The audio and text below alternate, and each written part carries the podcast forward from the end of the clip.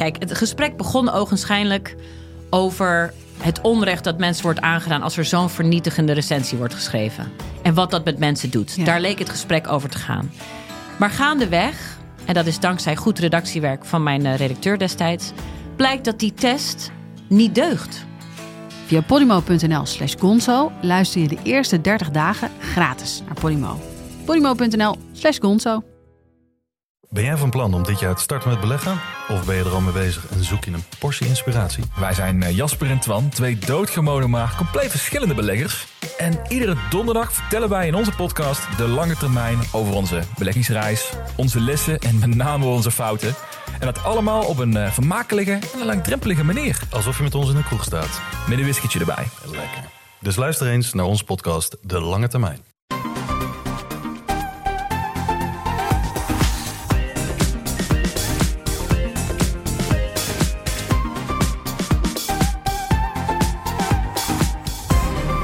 Welkom bij de Bright Podcast van woensdag 14 juli. We praten hierbij over de trending topics in tech van het afgelopen half jaar.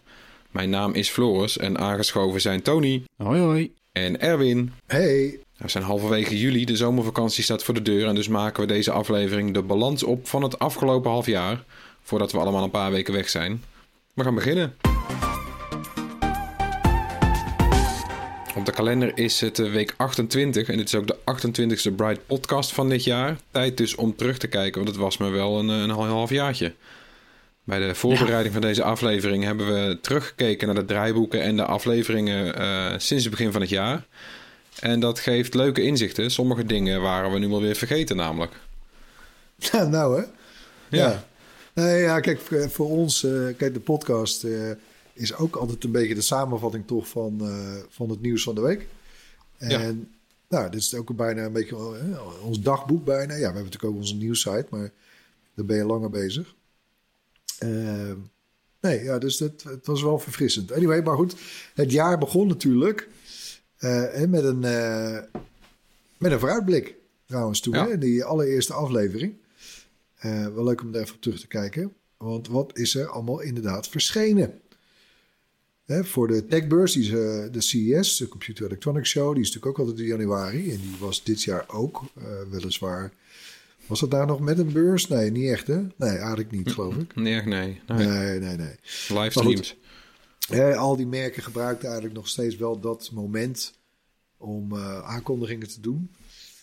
Ja, dat zit toch een beetje naar ingebakken hè, bij iedereen. Eh, dus dan houden ze dat aan. Maar eh, onder andere bijvoorbeeld hè, de tv's met mini-LED en micro-LED. Weet je nog? Ja. Eh, in het begin hadden ze iets van, hè, wat is het verschil? dan eigenlijk? Maar goed, dat, dat hebben we natuurlijk allemaal ontdekt. Ja. Sterker, die tv's zijn onthuld en zelfs inmiddels te koop. Floris, jij hebt er laatst eentje gereviewd, toch? ja, en dat was de eerste die ik zag ook in, in levende lijven. Eentje van Samsung, de QN93A. Wie kent hem niet? En ja, wie kent hem niet? Nou, in ieder geval, dat is dus een van de, van de meer high-end eh, mini-LED-tv's. Samsung noemt dat dan ook weer gewoon eh, QLED, nog wat. Nou, in ieder geval, het is een mini-LED. En het, QNED betekent Neo, dus... toch? Ja, QLED Neo, dat is hem, ja. ja. En het is nog steeds een LCD-TV, maar dan met gewoon de meest geavanceerde backlight ooit. Dus dan benader je meer het idee van OLED, namelijk dat het contrast heel hoog is, dat de zwarte eh, veel zwarter lijken omdat dan de backlight uitgaat, et cetera, et cetera. Eh, zonder de nadelen van OLED, dus hij is een stuk feller. Dus ik heb hem ook bij mij thuis, ik heb zelf een OLED. Eh, daar heb ik hem mee vergeleken, want ik wilde daar, daar liefst mee vergelijken. Ja, en dan, ja, dan zie je er wel. Ja, je ziet, je ziet inderdaad heel duidelijk de voor- en nadelen. Maar het, het, het benadert elkaar veel meer. Want eerst kon echt een LCD eh, bijna flats afslaan, weet je al, eh, naast een OLED. Dan zag je een enorm verschil.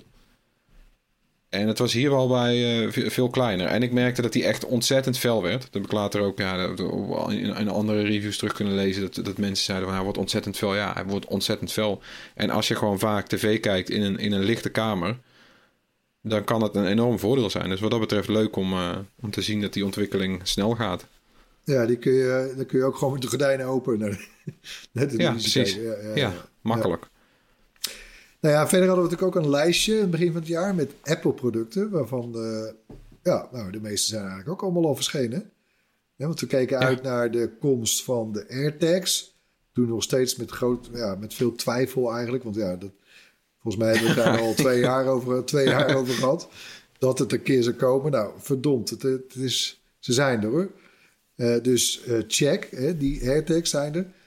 Een, eh, een nieuwe iPad Pro met een mini-LED. Geen micro-LED, maar een mini-LED scherm. Check, hebben we ook. de vernieuwde iMac met een M1-chip. Check, hebben we ook. Sterker, daar kijk ik nu naar op mijn bureau. maar er zijn er ook nog een paar staande open natuurlijk. Ehm, we, ja, we, we, wachten eigenlijk ook nog op uh, de nieuwe MacBook Pro. Met uh, de zwaardere MacBook Pro, die met vier poorten. Met, uh, met een M-chip, of dat dan de M1 is, of de M2, of de M1X, whatever. Ja, die, die verwachten we toch nog wel. En naar verluid gaat daar dan ook nog een, toch weer een nieuwe MacBook Air achteraan komen. Mogelijk in de kleurtjes ook zoals de iMac, de nieuwe iMac is gedaan door Apple. Dan nou, het eind van de zomer, begin van het najaar, hè, rond september, oktober misschien. Nieuwe iPhones natuurlijk. Ja, en dan is er nog steeds, dat wordt misschien een beetje de nieuwe AirTags, hè, de, de augmented reality bril van Apple. Ik vraag me af, nou ja, dit jaar gaan we die sowieso niet zien. En ik vraag me ook nog maar ernstig af of dat volgend jaar ook al zo is. Maar goed. Uh, uh, dus ja, we hebben daar nog een paar, uh, nog een paar checkpoints te gaan, zeg maar. Ja, wachten is natuurlijk vooral op uh, de iPhone 13. Zeker. Uh, ah, die gaan ze gewoon zo noemen. Geen onzin over 13 overslaan omdat het ongeluk brengt. Ik denk het uh, niet, hè? dat, in ieder geval ja, wat George toen leest niet. Ja, ik zou, er, ik zou er geen probleem mee hebben, hoor. Nee, ik ook niet. Maar kijk, wat betreft het andere kamp, Android-telefoons... Ja, er is nog niet heel veel vuurwerk... Uh, natuurlijk was, zoals wel te verwachten, de Galaxy S21. Dat was het belangrijkste Android-toestel van uh, het afgelopen half jaar. Uh, ook in een ultra-variant natuurlijk, zoals altijd. maar de grote concurrent Xiaomi, die heeft ook een ultra. Want die kwam met de Mi 11 Ultra. En toch wel een van de opvallendste smartphones van de afgelopen jaren. Met dat extra schermpje op de achterkant bij de camera lens. Uh, opvallend toestel. Of een grote verkoopklappen was, uh, niet misschien. Maar ja, wel weer, uh, wel ik vond, een stap. Ik vond vooral grappig hoe ze dan elk op een beetje elk front de camera, de resolutie, de verversingssnelheid. Net een klein beetje meer hadden dan de Samsung. Ja, en soms echt gewoon ietsiepietsie gewoon ons te dissen of zo, hè? Ja, ja, ja dat is wel grappig eigenlijk, hoe ze dat doen met Xiaomi. Ja, die kijken natuurlijk allemaal naar elkaar. Uh, nou ja, kijk, Samsung heeft nog wel een troef uh, in petto. Uh, zeer binnenkort, want dat is een beetje vaste prik geworden. Normaal kwam begin augustus kwam Samsung met zijn Note. De nieuwe Note altijd.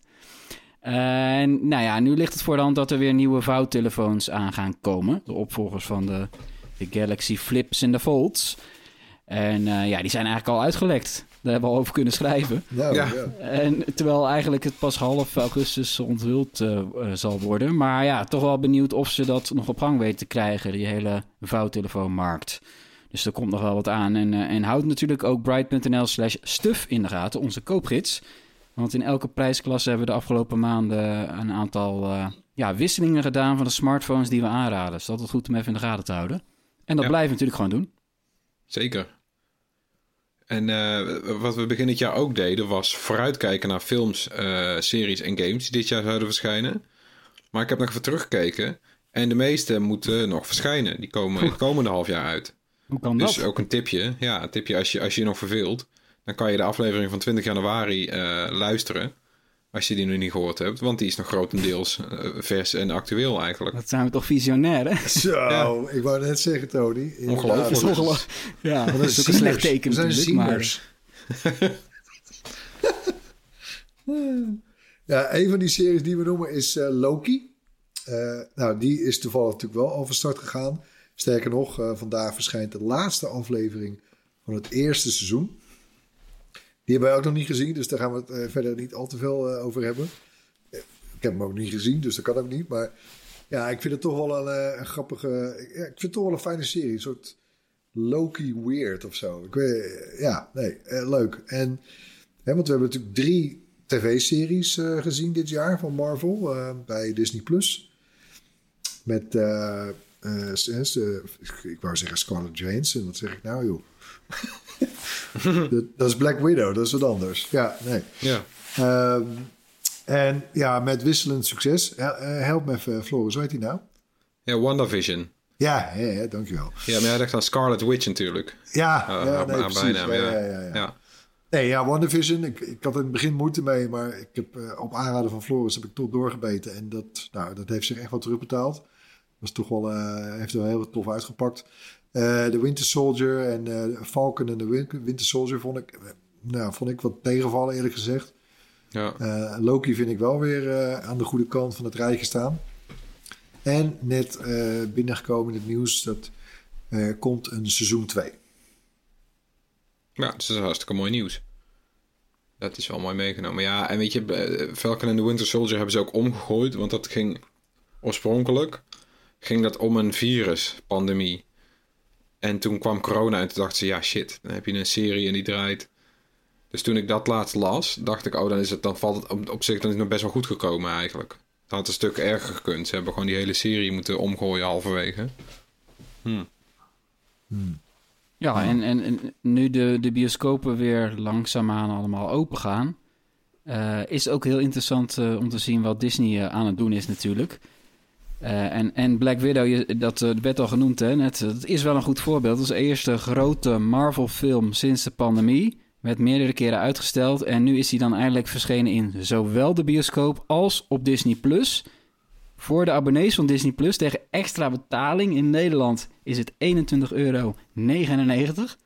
Ja, Ah, dat is heftig, hè? Ik zou het zelf echt niet eh, doen. Hebben jullie dat uh, er al voor over gehad? Nee, no way. Weet je, ik bedoel, ze begonnen de, de- deze constructie eh, vorig jaar al met Mulan. Was dat vorig jaar? Ik weet geen idee Ja. meer, maar goed. Eh, toen kostte het nog 30 euro. Ja, nou, dat was helemaal eh, van de buitencategorie. Maar goed, ik vind 20 euro nog steeds gewoon veel te duur.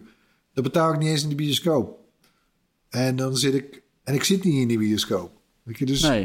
En ik ben er al nee, nee. Ja, ja, ja. Ja, nou ja, goed. Disney is natuurlijk wel om het geld te doen. Dit zijn echt gigantisch dure producties.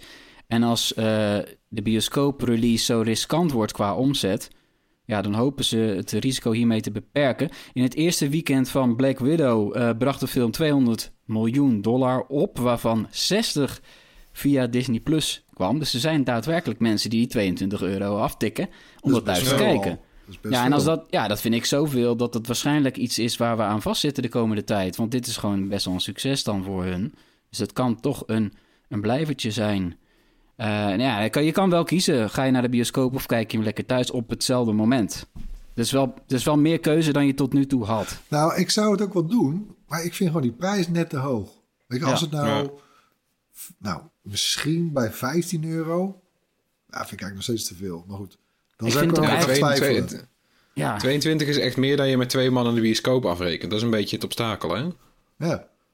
Ik vind het ook jammer dat het, dat het dan alleen ook voor de abonnees is. Want ik ben geen Disney Plus abonnee. En ja, dan heb je ook... Je moet eerst het abonnement nemen. Ja. Dat, dat is eh, ook wel weer een rare deal. Terwijl ze het ook gewoon los kunnen aanbieden natuurlijk. Maar ja, dat is niet het idee van Disney. Nee. En toch vind ik het wel, ik vind, ik vind inderdaad wel ook een beetje gezien die hele pandemie.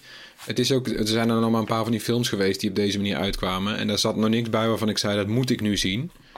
Maar er zijn wel van die Marvel films geweest. Dat zouden die nu zijn uitgekomen, dan zou ik wel zeggen, daar zou ik 22 euro voor neer te. Alleen al omdat ik hem dan gewoon snel zou kunnen zien zonder naar de bioscoop te hoeven. Wat ik nu nog steeds geen supergoed idee vind. Maar dan kan je Ja. tenminste meepraten. Want weet je wel, de constante dreiging van spoilers bestaat ook. Daar profiteert Disney natuurlijk ook stiekem van. Ja, Erwin, als het een nieuwe Star Wars film is... dan tik jij de, dat bedrag gewoon af, toch? Nou, dan zou mijn, eh, ja, dan zou mijn prijsdrempel wel iets hoger liggen, ja. Dan zou ik misschien wel 22 euro ervoor over Ja, toch? Maar Maar even goed is Star Wars ook wel het, het excuus om naar de bioscoop te gaan. Het ja, is nog Nou, steeds de eh, laatste film die ik in de bios heb gezien trouwens. Star Wars eh Ik, 9. bedoel, ik heb thuis wel, ik heb een OLED-tv met Dolby Atmos. Ook niet verkeerd, alles bij elkaar genomen, maar ja, nee, ja, dat Ja. je toch op een gewoon loei groot scherm zien. Precies. En zelfs nu het pandemie is, ja, weet je, dan ga ik dinsdagmiddag wel, eh, als het per se moet. Ja. Ja, ik, ik zat te kijken en bij- op de bioscooplijst, de agenda, staan nu films die al twee jaar geleden eigenlijk zijn verschenen. Die komen nu pas in de Nederlandse bioscoop. eh, en dan hebben het niet over de echte klappers, maar eh, bijvoorbeeld een film die ik eerder in, als tip noemde. The Painter and the Thief. is een documentaire. Die, die gaat eh, morgen in première in Nederland. Dus een film van twee jaar geleden. Raar, hè? Ja, gek hè? Ja. ja. Is er iets bekend Ja, over maar die- James Bond, trouwens? Uit mijn hoofd weet ik het niet, maar volgens mij hangt er nou wel echt een datum aan, toch? James Bond is gered door Amazon, dat weten we wel. Als de overname Ja, doorgaat oh ja. van de filmstudio. Dat is natuurlijk wel iets wat, wat wel belangrijk is. Want het, over geld gesproken, dat, ja, ze hebben wel zo'n grote partij nodig, hè? MGM, die maakte het altijd. Ja. De release date eh, van James Bond, nou... 30 Even september staat hier nu op. Oh ja. Nou. Ook leuk om naar uit te kijken. Ja, dan hebben we nog de games. Eh, Ja. Nou, dan kijken we natuurlijk uit naar grote titels als eh, Horizon Forbidden West. Die staat bovenaan mijn lijstje in ieder geval. En titels als eh, Halo Infinitive. Infinitive. eh, Infinite. Ja, zo. Andere fijne naam. Eh, onlangs is wel Ratchet Clank Rift Apart verschenen voor de PlayStation 5. En Floris, jij, ik bedoel, eh, je bent een van de drie mensen in Nederland die een PlayStation 5 heeft, geloof ik, überhaupt. En je hebt ook dat spel gespeeld, hè? Ja. ja, en het is wel leuk, want nu beginnen pas die games te komen die echt alleen voor de PS5 zijn gemaakt. Ja. Dus die ook geen dingen doen om nog rekening te houden met de PS4. En dat kan je wel zien hoor, want Ratchet Clank, ja, het is, zeg maar, ook met vrienden zat ik de hele tijd te appen van dit is onredelijk mooi. Het is echt belachelijk. Zeg maar, bij elke Ratchet Clank game zeg je steeds van dit is net een Pixar film die je kan spelen. Nou, nu is het echt zo. Die game is 4K, de lichteffecten zijn absurd. Gewoon elk, elk oppervlak reflecteert alles. Eh, dan heb je ook heel veel actie in beeld natuurlijk. Dus er komen het- eh, heel veel van die knotsgekke vijanden in beeld. Er gebeurt Doen ze van nog alles. iets met de controller, met die, met die bijzondere controllers van de PS5? Ja, absoluut. Want je hebt natuurlijk Ratchet Clank draait om de wapens. Je hebt elke, eh, ja, je gaat naar planeten en op elke planeet kan je één of twee nieuwe wapens kopen. En het zijn altijd van die rare wapens, weet je wel. En dit, nou, ze doen echt dingen met die trigger. Dus bijvoorbeeld dan heb je heel veel wapens hebben een halve druk is één ding en, en een volle druk is iets anders. Dus een shotgun kan je half indrukken en dan schiet je met twee lopen. En als je hem volledig indrukt, dan schiet je met vier lopen. Eh, en zo kan je een beetje doseren wat je aan het doen bent. En dat werkt met al die wapens zo. Een sniper die, eh, die inzoomt als je drukt. Nou, allemaal zulke soort dingen. En het werkt wel lekker. En dan die trillingen werken ook heel erg mee. Dus die wapens voelen ook allemaal veel eigener. Je, je, je voelt bijna welk wapen dat je vast hebt. Dus het werkt ook wel goed. Leuk, leuk. En het is, ja, het is grappig, het is, het, is, het is snel. Echt wel een hele leuke game. Hey, en eh, whatever happened to Google Stadia, guys? nou, het, besta het bestaat nog wel. Ik heb het zelf natuurlijk. Ehm, maar ja, als je dat vergelijkt met het ge- geweld van PlayStation en, en zelfs de Xbox timmert natuurlijk gewoon lekker aan de weg. Met Game Pass, laat wel wezen. eh, Stadia, ja, valt toch een beetje tegen wat er tot nu toe eh, is gebeurd. ze, zijn ook. Ze zijn ook gestopt, toch? Met het zelf maken van games. En... Ja, ze hebben die interne eigen studio, die hebben ze gesloten. Ehm, ja, moeten het dus hebben van andere ontwikkelaars. Nou is er natuurlijk wel een grote partij bijgekomen sinds kort. EA, is natuurlijk gewoon een grote jongen, die lanceert allerlei games daar. En ja, EA eh, is ook de maker van FIFA. Dat is natuurlijk super populair, die voetbalgame. En de nieuwe versie van FIFA 22 eh, is al geteased deze week. En die, die krijgt ook op Stadia de meest realistische bewegingen van spelers. Eh, veel mensen die reageerden al op onze Instagram van... elk jaar beloven ze dat alles realistischer wordt qua bewegen... en alsnog stunt, stuntelen de voetballers over elkaar heen, zeg maar. dat is natuurlijk bij FIFA bijna... ja, het is bijna een verrassing als dat niet gebeurt, maar... Ja, dit keer hebben ze wel echt vorderingen gemaakt met de, de motion capture pakken en eh, artificial intelligence. Dus het belooft toch wel wat realistischer dan ooit te worden. En het goede nieuws is dan dat dat niet alleen op PlayStation 5 en Xbox Series X en S is, maar ook op Stadia. Dus Zijn dat is wel FIFA een mooie. trouwens, eh, zijn alle posterboys, zijn dat allemaal weer van die penalty missers? Ja, en, eh, ja, ja, Mbappé is weer op de cover. nee, klopt. En kijk, het wachten is toch wel dat, dat dat echt wel interessanter wordt dan nu, dat Stadia. Eh, we hadden er zelf natuurlijk meer verwacht van, van de games. En Google is ook nog met allerlei features bezig die er eigenlijk al lang hadden moeten zijn, weet je wel. Dan, zoals, zoals laatst, dan lanceerden ze van... hey, Stadia werkt nu ook op onze eigen Chromecast met Google TV. Zeg maar, hey, mag nu pas. Nou ja, inderdaad. Dat Ja. je denkt, Ze Hè? maken een soort pivot. Hè? Ze, ze zijn een beetje, eh, volgens mij, hun oorspronkelijke idee zijn ze gewoon gaandeweg aan het aanpassen. Dat is ook wel heel erg, dit is Google's trouwens. Maar... Ja. Klopt, ja. En, Ja, en en- lijkt, het, li- lijkt het dan trouwens ook nog zo dat waar, waar, waar Google een beetje misschien hapert met Stadia, dat, dat ze bij Xbox, bij Microsoft, met die Game Pass, Floris, daar pakken ze verdorie lekker door, hè? Ja, want die, die, die, ja, het aanbod is nog steeds enorm, wordt alleen maar beter. Ze hebben in de tussentijd natuurlijk Bethesda overgenomen. Daar hebben we het ook al vaker over gehad. Ze hebben gewoon een heel groot aanbod hele goede games. Die vanaf dag 1 op, eh, op Game Pass staan. En die Maar kan die, je, eh, die betas draaien Die kan je ook streamen. Ja, die betas draaien. Dus je kan die spelen op je, op je Android. En zelfs op je, op je iPhone via Safari. Hoe dat precies werkt en of dat lekker werkt, hebben we binnenkort een video over eh, van Erik. Ja, goed. Maar dat, ja, die timmeren flink aan de weg, zodat je straks... En het is, Microsoft heeft ook gezegd, het is de bedoeling dat er op allemaal apparaten apps komen. Dus voor smart TV's komen apps. Eh, voor alles wat los en vast zit komen apps eigenlijk, zodat je... eh, er komt ook een stick, een soort van Chromecast van Microsoft speciaal om Game Pass te streamen. Dus straks hoef je geen Xbox meer te kopen, maar dan koop je een dongle, die steek je erin en dan kan je voor die 15, 10 of 15 euro per maand kan je gewoon games streamen. Ja, dat is, wel, eh, dat is wel echt goedkoop. Want bij Stadia moet je natuurlijk die game nog steeds kopen. En een abonnement hebben. Of je gebruikt Ja. gratis versie. Ja. Maar ja, weet Maar je, bij- bij, Microsoft, nou ja, tel maar na. 15 euro is, eh, is, is vier full-size games per jaar. En daar kan je honderden games voor, eh, voor spelen. 13 hè? Het is 13 euro is het duurste abonnement. Ja, Ja. Nou, dat, is, je- eh, dat je- is een goede prijs, ja. Ja, Maar kijk, Stadia die belooft eigenlijk min of meer dat de prijzen per game omlaag gaan. Eh, ze moeten wel iets verzinnen, dus ze kunnen met die prijs gaan combineren, eh, gaan concurreren. Nou ja, Ja. ze hopen natuurlijk ook gamemakers te lokken, doordat ze, eh, dat hebben ze ook deze week bekendgemaakt, eh veel minder commissie in rekening gaan brengen. Dat is voor een gamemaker ja. belangrijk, hè? ja.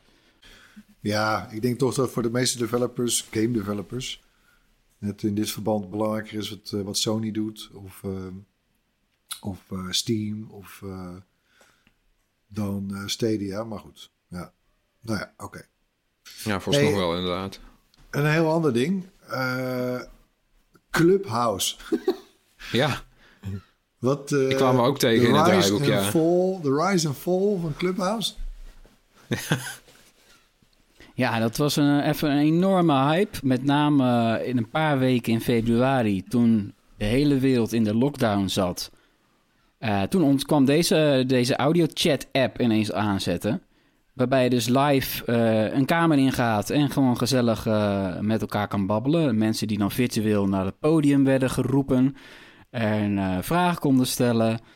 En eh, nou, dat, dat- ook Nederland eh, die viel daarvoor. De ene naar de andere BN'er die meldde zich aan. Eh, het was twee, drie gedoe hè, weken. met invites, toch? Hè? Ja, nee, het was natuurlijk alleen op de iPhone in eerste instantie. Dus er waren zelfs influencers die speciaal een iPad of een iPhone gingen geleend kregen of gingen kopen om maar op Clubhouse aanwezig te zijn. En iedereen zat allemaal weer ja, met elkaar te praten zoals eigenlijk nooit de afgelopen jaren spontaan live interactie was. Dus het waren daadwerkelijk wel memorabele weken en avonden vooral.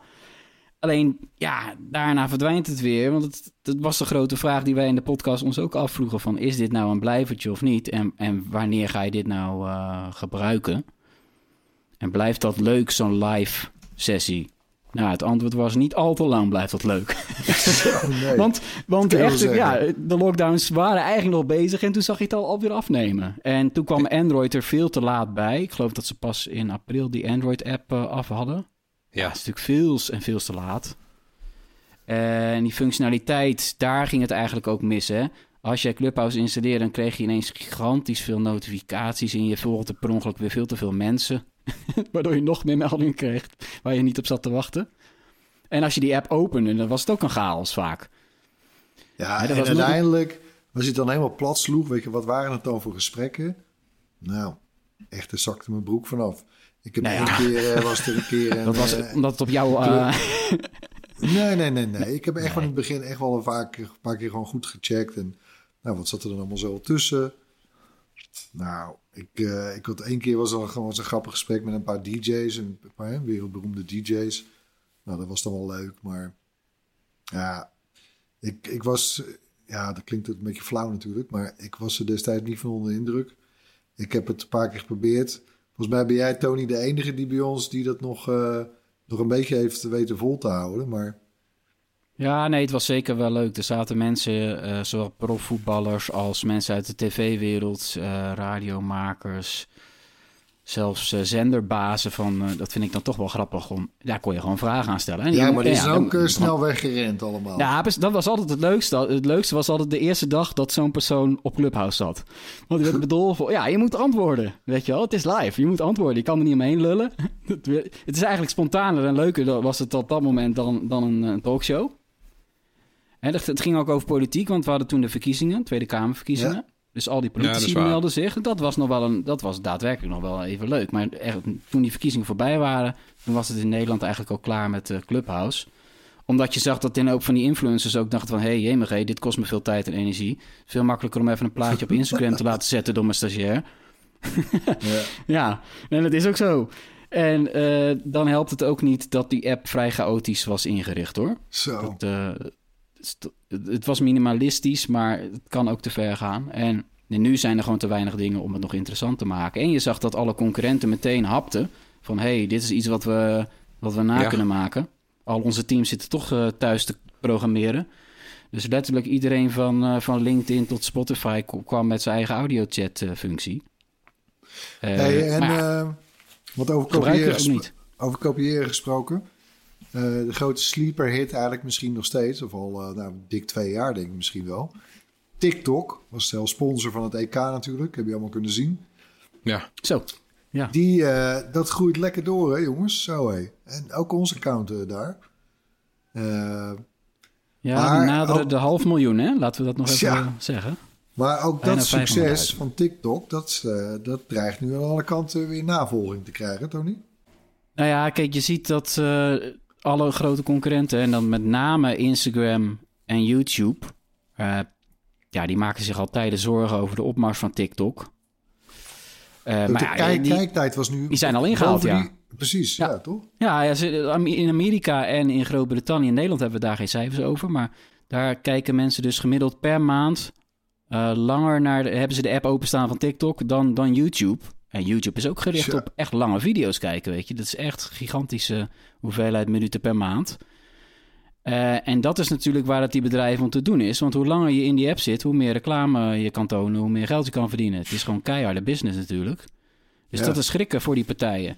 Nou, het antwoord van zowel Instagram als TikTok is, we gaan ze nadoen. Of uh, YouTube is, we gaan ze nadoen. En YouTube uh, met shorts is dat natuurlijk iets wat bijna storend is voor de, voor de, voor de liefhebber van YouTube. Want ineens komen er korte filmpjes door, door, die, uh, ja. door jouw recommendations heen, waar je, die staand zijn. En zeker op, op het web, als je YouTube opent en je ziet daar shorts doorheen, denk je, wat zijn ze toch eigenlijk aan het doen? En sinds deze week is het ook uitgerold in Nederland. En het is eigenlijk iets van, waarom zou je iets namaken? Gun, gun die ander dat succes, maar zo werkt het niet, vrees ik. Nee, nee, ze moeten nooit. wel mee.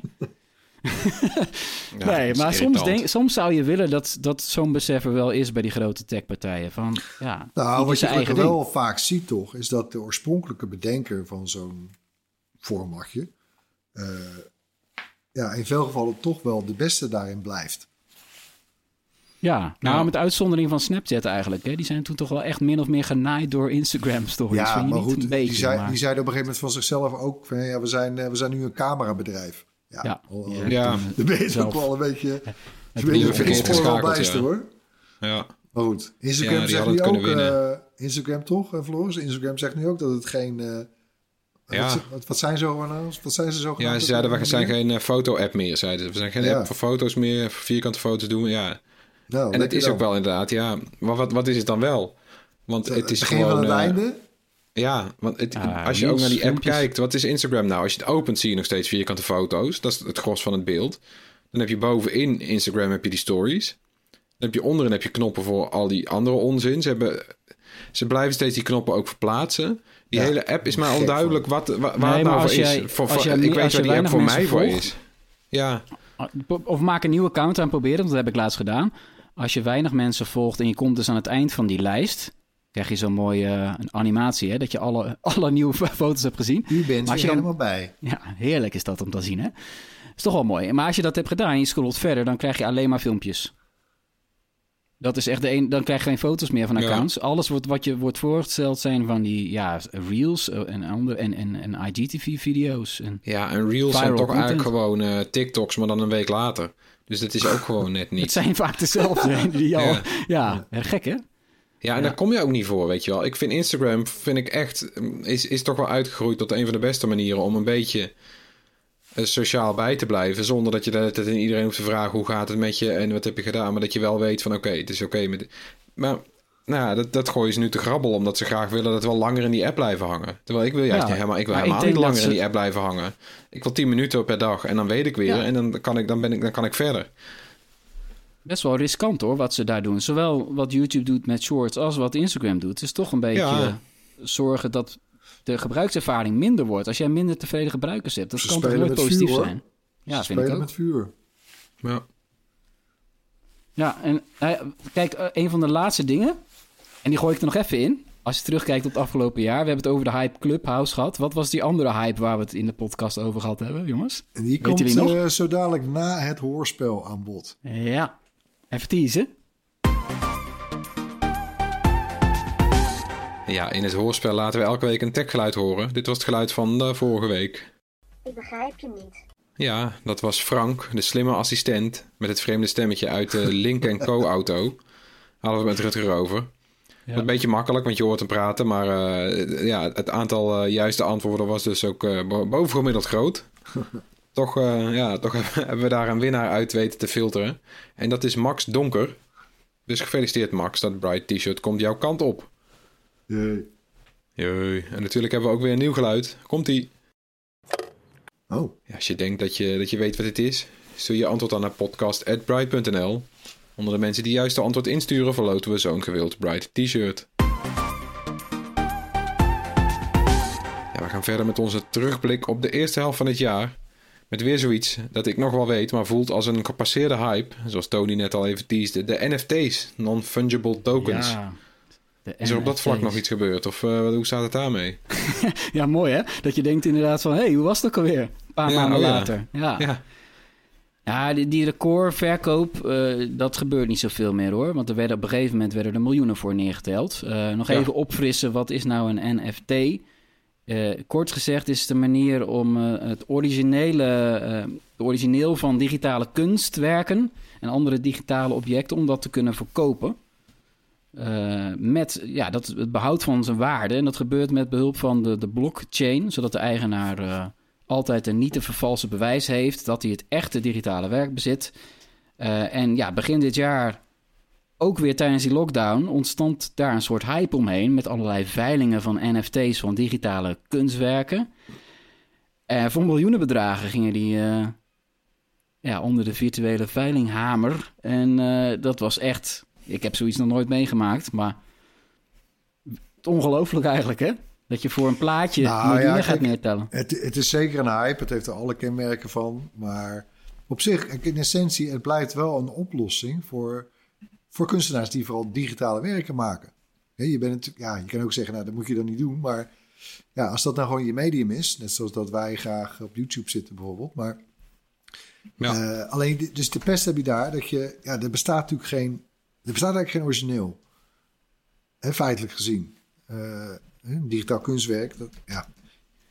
en en met, met, die NFT's was het toch een manier om uh, een soort origineel aan te wijzen.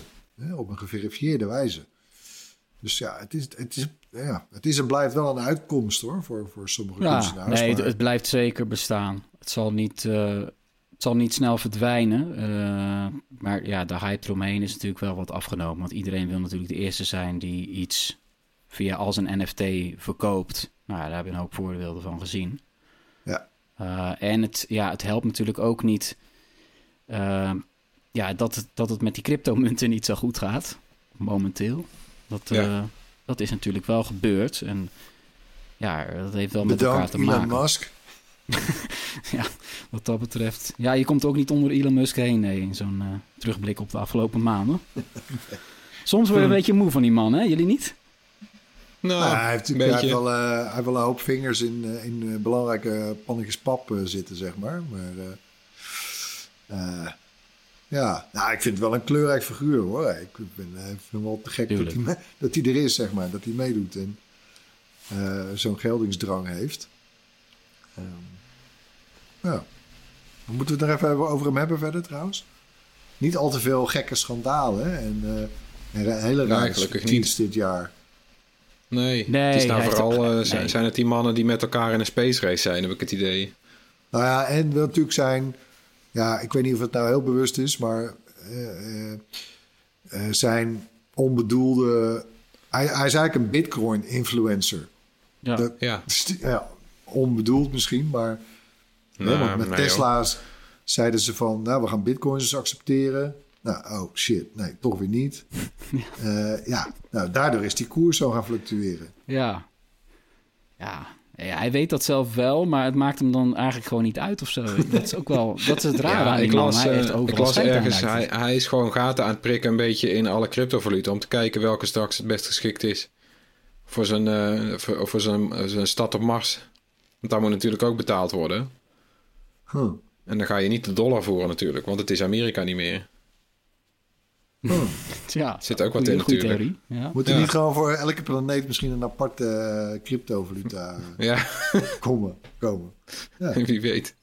Eh, dat kost dan 3 Mars. Huh? Ja. Oh, ik heb alleen maar sneakers bij me. Ja, Eh, vreselijk. ja.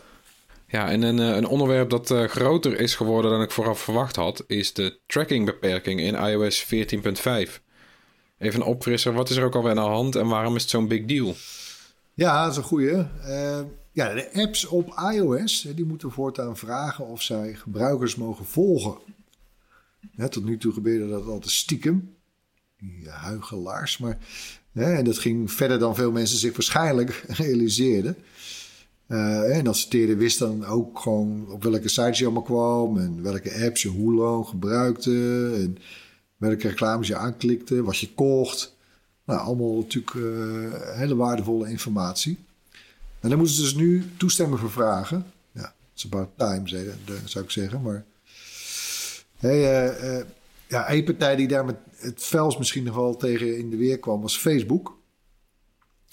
Eh, en ja, die waren zo tegen dat Apple even moest, eh, nou, even pas op de plaats maakte. Ze hebben toen een paar maanden uitgesteld. Eh, tot in eh, iOS 14.5. Eh, nou, we zijn nu, die, ja, die, die hebben we natuurlijk nu een tijdje in gebruik. En we merken echt wel toch dat ja, die stap is best wel groot. Hè, of het effect daarvan is ook best groot. Ja, want het, gewoon het gros van de mensen die klikt gewoon nee als je de vraag krijgt op een, of een app je mag volgen. Ja, dat doe ik zelf ook. Eh, soms moet je trouwens wel goed opletten, want apps kunnen nu ook dat pop-up schermpje zelf vormgeven met hun eigen plaatjes en stijl. Dan moet je toch even goed lezen wat er staat. Dat is toch. eh, het is niet altijd ziet hij hetzelfde eruit. Soms heb ik ook wel eens verkeerd geklikt. Maar over het algemeen zegt 80 tot 90 procent van de mensen zegt nee. Nou, dat heeft wel gigantisch veel effect eh, op de waarde van een gemiddelde waarde van een iOS-gebruiker voor de adverteerder. Die is gedaald, namelijk. Omdat gewoon minder duidelijk is wie die mensen zijn. Dus kun je ze minder goed targeten. En eh, dat heeft ook wel gevolgen gehad voor het andere kamp. Want de, de prijzen voor mobiele reclames op Android zijn daardoor juist flink gestegen. Ik weet niet of, of Apple daar vooraf rekening mee had gehouden, maar dat is natuurlijk wel een, een interessant bijeffect. Ehm, terwijl de, de prijzen voor advertenties op iOS die zijn gedaald. Ja, kortom, op Android word je dus nog volop aan alle kanten gevolgd. Ja, op Android eh, nog wel. Wie weet komt Google ook nog met wat. Maar daar hebben ze tot nu toe niet veel over gezegd. Want ja, het is een advertentiebedrijf, hè, Google. Dat is hun core business. Dat is bij Apple niet zo. Nee, nee, je merkt natuurlijk wel op I.O. dat ze, ze proberen een beetje van, de, ja, van dat privacyverhaal van Apple een beetje mee te snoepen. Maar ja, Ja. zover is Apple gaan, dat kunnen ze natuurlijk niet, inderdaad. Om, hè, wat je Ja. zegt, eh, dat, ja, dat druist weer in tegen hun eigen businessmodel. Dus ja, nee, ik, eh, ik, zou me toch, ik zou me er niet helemaal lekker bij voelen eh, op Android, eerlijk gezegd. Maar goed, eh, dat is mijn mening. Ehm, ja, voor de grootste adverteerders trouwens, zal de, de schade nog wel beperkt zijn. Want want ja, Google en Facebook die, ja, die weten al nou, vrij, vrij precies wie we zijn, wat we leuk vinden. Dus die hebben de komende maanden, misschien wel jaren, nog, nog, nog zat waardevolle data over ons. Maar goed, hè, die profielen staan nu wel meer stil. En nu we het toch hebben over die grote bedrijven. Het was het afgelopen half jaar ook wel raak wat betreft rechtszaken en onderzoeken. Hè? Och man, het is, uh, ja, daar kun je bijna een correspondent voor aanstellen, denk ik. Uh, ja. ja. Vier van de Big Five, die zijn uh, om, soms de beurt aan de beurt. Apple, Amazon, Facebook, Google worden allemaal onderzocht, beschuldigd van van alles. En opvallend afwezig. Ik, ik zie dat nog steeds uh, ik denk dat ze dat aan Trump hebben te danken. En een soort de, de, de duivelspact dat ze met Trump hebben gemaakt, gesloten. Maar uh, Microsoft, hè, die, die is daar opvallend afwezig. Ja, gek. Er waren nu wel pas de afgelopen weken stemmen in de Amerikaanse politiek om ook eens naar Microsoft te kijken. Komen ze, ja, snel, komen ze snel achter, hè? Zo. Maar ja, het gaat, veel van die onderzoeken van toezichthouders en overheden in zowel Amerika als Europa, die gaan uh, ja, over Apple. En dan met name is de App Store het, het grootste mikpunt. Uh, de regels uh, die volgens appmakers oneerlijk zouden zijn. En uh, ja, Apple bepaalt wat in de App Store komt. En kan allerlei webs, apps natuurlijk weigeren. En het gaat met name natuurlijk over geld. Over die, de commissie die er betaald moet worden. En de verplichting om het betaalsysteem van Apple te gebruiken. Uiteindelijk is dit wel een strijd. Niet alleen over eerlijke concurrentie, maar ook gewoon om keiharde centjes. En Apple pakt een deel van het geld. Ja, nee, dat is zo.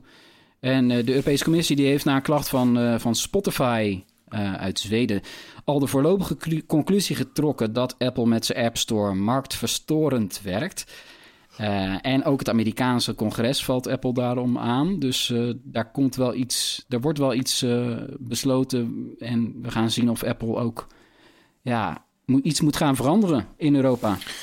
Ja, nou ja, het zit er dik in hoor. Kijk, Apple heeft inmiddels wel duidelijk gemaakt over hoeveel inkomsten, uh, of hoeveel inkomsten de App Store oplevert voor, uh, voor appmakers. En uiteraard, weet je, hoe gevaarlijk het dan zou zijn als het uh, sideloaden van apps, dus ook het toestaan van andere app stores, van, of app stores van derden op hun platform, als dat wordt toegestaan. Ja, op Android trouwens, hè, daar, daar kan dat. maar goed, ja. Daarom is het. je vindt ook veel meer mal, malware, kwalijke apps op, uh, op Android dan voor iOS. Dus daar, daar, heeft Apple dan wel weer een punt. Maar het voelt toch wel een beetje alsof het. Uh, ja, ik denk niet dat ze dit helemaal gaan kunnen keren hoor, deze, deze storm. Ze hebben tot nu toe echt geen centimeter toegegeven. Ja, andere bedrijven die van de iPhone afhankelijk zijn, ja, die, die worden kwaad. En ja, de politiek gaan ze ermee bemoeien. Maar goed, het lastige blijft. Ja, de politiek weet over het algemeen niet zoveel van tech. Uh, dus het is ook maar weer afwachten hoe het afloopt. Het valt me wel op dat de huidige, ook die, die hoorcommissies in de Verenigde Staten, uh, ze zijn inmiddels wel wat beter ingevoerd dan, uh, dan, die, dan die commissies van een paar jaar geleden. Want dat was echt af en toe beschamend.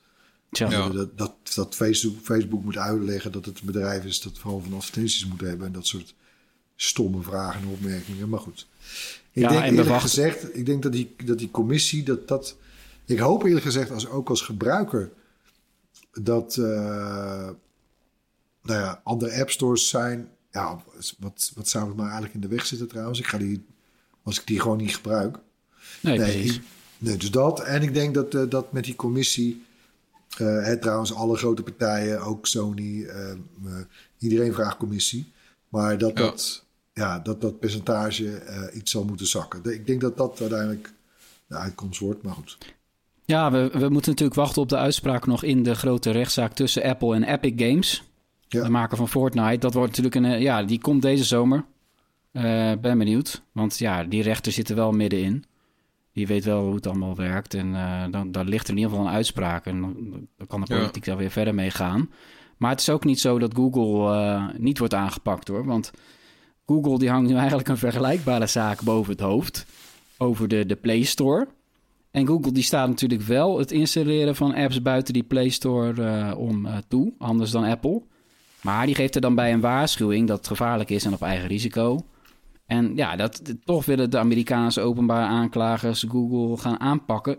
Juist precies om die waarschuwing. ja, het gaat wel wat ver misschien, hè? Uh, maar ja, uh, kijk, ook Google heeft al vrij veel macht hoor met die Play Store. Dus... Ja, kijk, je merkt gewoon, het is, de overheden hebben inmiddels door dat ze... We zagen dat ook met corona, met die app, weet je, en de, de, de medewerking die eigenlijk nodig was van Apple en Google om überhaupt een soort van corona-app eigenlijk een beetje werkend te krijgen. Ja. ja, die, die flippen gewoon daarvan. Weet je, dat, die macht ondermijnt zelfs nu in, hè, inmiddels hun macht. Hè? De, ja, zeker. Het gaat gewoon bijna om soevereiniteit, uh, bijna inmiddels. Dus dat... Ja, nee, dit, dit, dit, dit, dit kan niet zo door, door blijven gaan. Ik ja, eigenlijk gaat het helemaal niet meer over, over, over commissies en, en concurrentie. En, nee. of, nou mal, malware, of nou malware of niet wordt verspreid. Linksom nee. of rechtsom, ze moeten gewoon inperken. Klaar. Ja. ja. Ja, alles hangt nu ook aan die smartphone. Hè? Weet je, van je belastingaangifte tot straks je, je paspoort gaan ze zelfs op je, op je telefoon. Ja, weet je, als dan één bedrijf kan bepalen om dingen terug te trekken, dan, dan, dan begint het wel heel raar te lopen. Ja, dus die verhoudingen. strategisch. Ja, dus die verhoudingen worden nu gewoon bijgesteld. Uh, nou, niet ons hele onderwijs, maar weet je, ga eens naar hoeveel basisscholen, noodgedwongen, maar afhankelijk zijn van, van het pakket van Google. Om les te kunnen geven. Weet je wel? Ja, precies. jongens.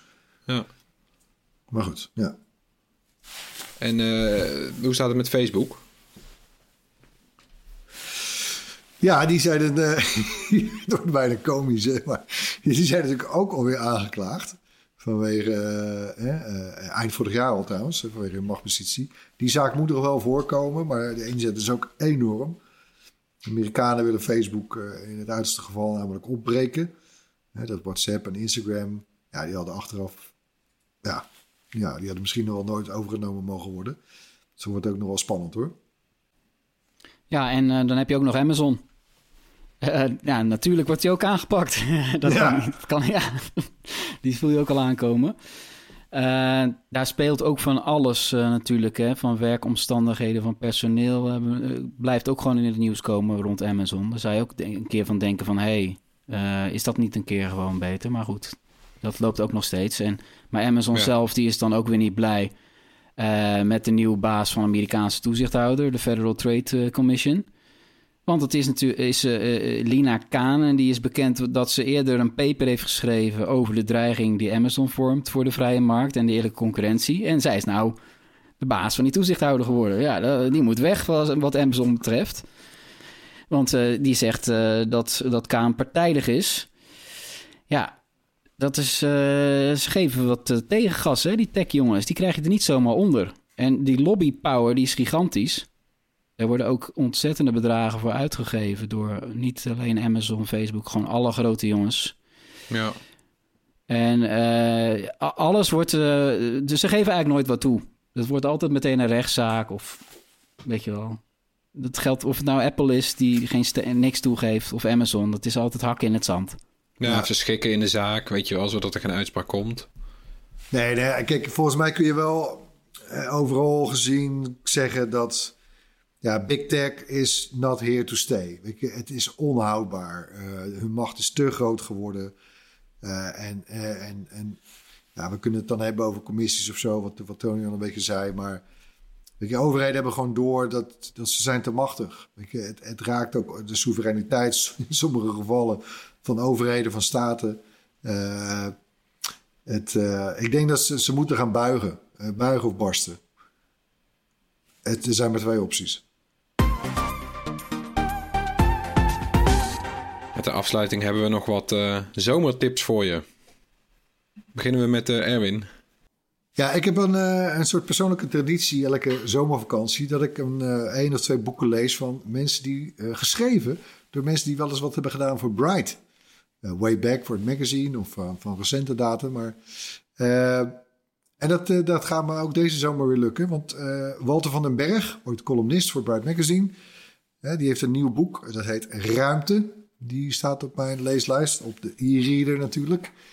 en ik heb nog een wat ouder werk. Uh, daar ben ik nog steeds niet aan toegekomen, maar hij wordt alles maar actueler, vind ik.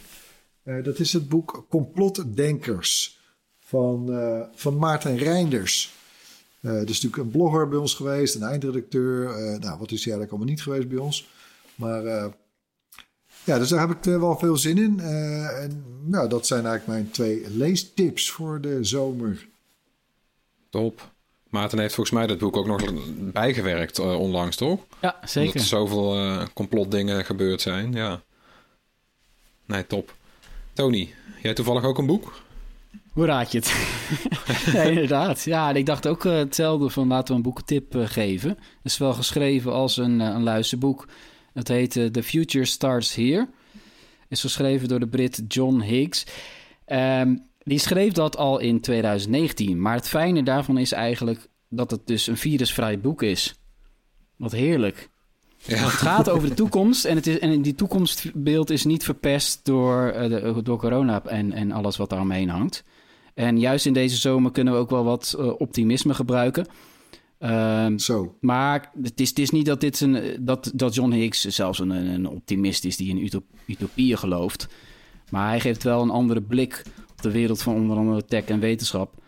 Omdat je daar, eh, en daar zitten wij zelf middenin, en daar hebben we het zelfs in deze podcast al over gehad. Er zijn natuurlijk heel veel dystopische toekomstbeelden die eigenlijk de norm zijn geworden rond technologie. En met name in de media, en, maar ook in de hoofden van mensen. Als je aan technologie denkt, denk je al snel aan ja, nepnieuws en algoritmes en, eh, en allerlei andere nare zaken. Terwijl dat natuurlijk, ja, er is ook een, eh, daadwerkelijk een hoop positiefs over te melden. Eh, in dat boek geeft Higgs een mooie persoonlijke blik op kunstmatige intelligentie, virtual reality, science fiction, klimaatverandering. Ik heb ook aardig wat geleerd over de generatie Z en metamodernisme. Dat ik wel leerzaam, want ja, het is toch een andere, andere generatie dan, eh, dan ik zelf. Ik ben van de generatie eh, X. Erwin en jij ook, hè? En Yes. Floris is millennial. Floris is Ja. millennial, ja, precies. Nou, ja, dat is ook wel mooi in dat boek. Eh, het is wetenschappelijk onderbouwd, maar hij bespreekt al die onderwerpen met persoonlijke voorbeelden en door te praten met mensen uit zijn directe omgeving in, in Brighton. Dat is een beetje een spoiler, maar want daar kom je eigenlijk pas in de loop van het boek achter van waarom praat hij met die mensen? Maar dat doet hij ook weer voor een reden. Dat is wel een aardig, aardige opzet, want ja, je kan natuurlijk heel veel wetenschappers gaan interviewen. Maar dat is niet zo leuk als je het eh, persoonlijk maakt, is het veel, eh, veel interessanter om te lezen. The future starts here. Klinkt goed. Ik heb geen boeken, want ik moest nog eh, tips krijgen. Dus die heb ik hierbij gekregen. Ik heb een, een app. En die app heet Brickit. En dat is een appje die eigenlijk gemaakt had moeten zijn door Lego. Maar het is gewoon door Lego fans gemaakt. En eh, wat je doet is, die app die kan met kunstmatige intelligentie heel snel Lego herkennen. Dus jij pakt gewoon je bak met Lego blokjes. Die kiep je op de grond, die spreid je een beetje vlak uit. En dan maak je een foto met Brickit. En Brickit scant dan binnen een paar seconden al je steentjes. En dan weet hij precies welke steentjes je hebt. En dan geeft hij jou eh, handleidingen voor Lego bouwwerken die jij kan maken met de stukjes die je hebt. En die bouwwerken zijn dan weer door, door andere fans gemaakt. En het werkt eigenlijk best wel leuk, want dan kun je heel makkelijk zien wat voor nieuwe dingen je met je Lego zou kunnen doen als je eigen inspiratie op is. Of als je juist heel veel inspiratie hebt, dan kan je zelf eh, met, met jouw Lego aan de slag. En dingen bedenken die, voor anderen, die door anderen gemaakt kunnen worden. Dus een hele community daaromheen. En het, het werkt gewoon ook echt heel goed. Het is een hele indrukwekkende app. Je moet minstens even de video bekijken van, van het scannen van die Lego-blokjes eigenlijk. Dus we, we linken dat ook in de show notes. Brickit. En dat kunstmatige intelligentie of niet? Ja, ja. Ja, ja, Ja, zo zie machine learning. Top app Ja, is dat. precies. Precies, zo zie je maar. Ja, bedankt weer voor het luisteren. Laat gerust iets van je horen. Mail naar podcast.bright.nl. Zoek ons op op YouTube, Facebook, Instagram, Twitter, TikTok en Discord. Wij zijn er weer op 11 augustus. Tot dan! Bye! Hoi.